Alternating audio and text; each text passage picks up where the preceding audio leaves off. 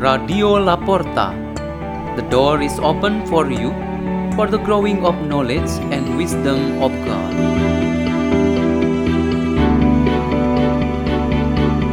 delivered by Amelia Saraseptin and Dora Ines Sibuya from St. Peter's School in Jakarta, Indonesia.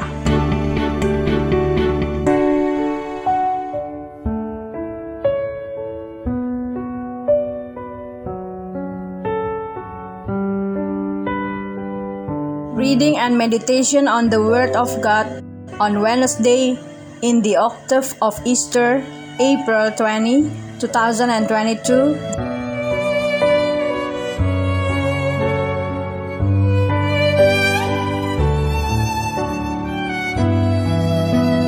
The reading is taken from the Acts of the Apostles 3, verse 1 until 10. Peter and John were going up to the temple area for the three o'clock hour of prayer. And a man crippled from birth was carried and placed at the gate of the temple called the Beautiful Gate every day to beg for alms from the people who entered the temple. When he saw Peter and John about to go into the temple, he asked for alms. But Peter looked intently at him, as did John, and said, Look at us. He paid attention to them, expecting to receive something from them.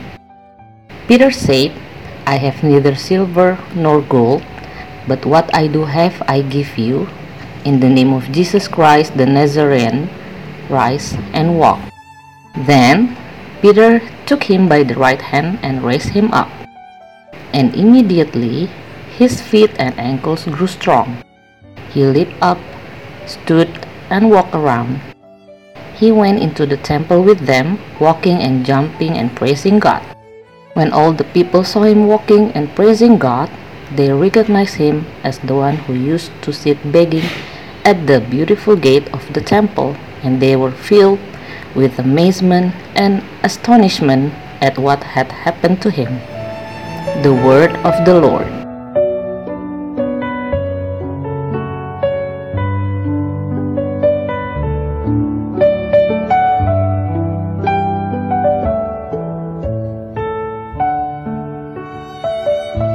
Our meditation today has the theme Easter gift from Jesus.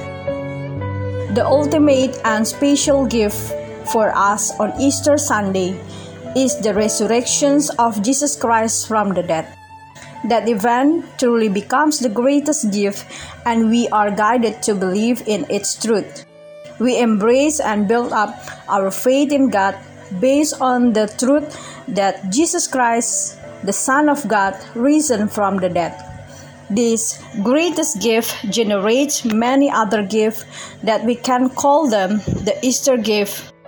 This gift refer to the number of aspirations of the risen Jesus.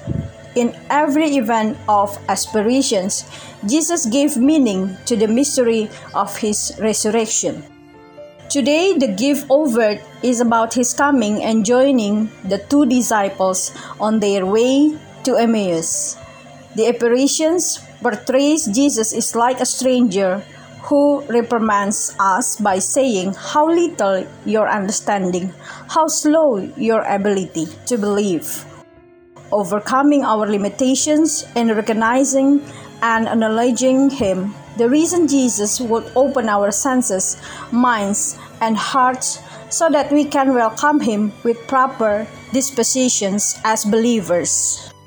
Because of these limitations, He provides a way for us to get to know Him through two main instruments, namely the interpretations of the scriptures and the breaking of the Eucharistic bread. Luke 24, verses 35. Jesus' best Easter gift for us are His words that are explained correctly and properly, and the Eucharist, which is a memory of the first Easter that He Himself instituted.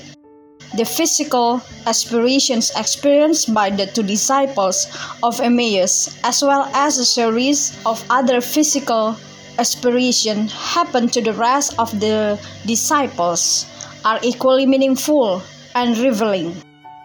To the various experiences of Jesus showing himself spiritually to each one of us. The risen Christ asks for the attention and obedience of those who see and meet him. If we don't follow the moment he appears and told to us, we will lose the light of truth that he wants to give to us. Our attention and obedience are directed to him wherever and whenever we are to meet him.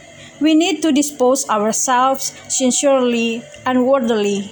Whenever and wherever His word is proclaimed, our most necessary disposition is to open ourselves to listen and to understand. Usually, if these attitudes are not properly and correctly implemented, God's presence will be out of our awareness and even goes unnoticed and the meaning of his words will disappear like the blowing wind. Likewise, when the Eucharist is celebrated and well participated, our proper disposition is to open ourselves, having sincerely and pure hearts, and make oneself a pleasing home that God will be pleased to stay and will be with us at all times.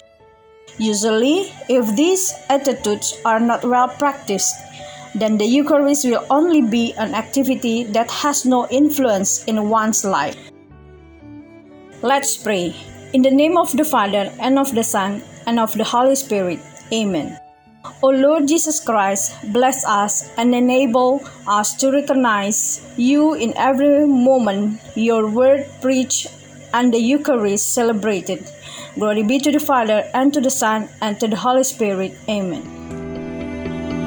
Radio La Porta. The door is open for you.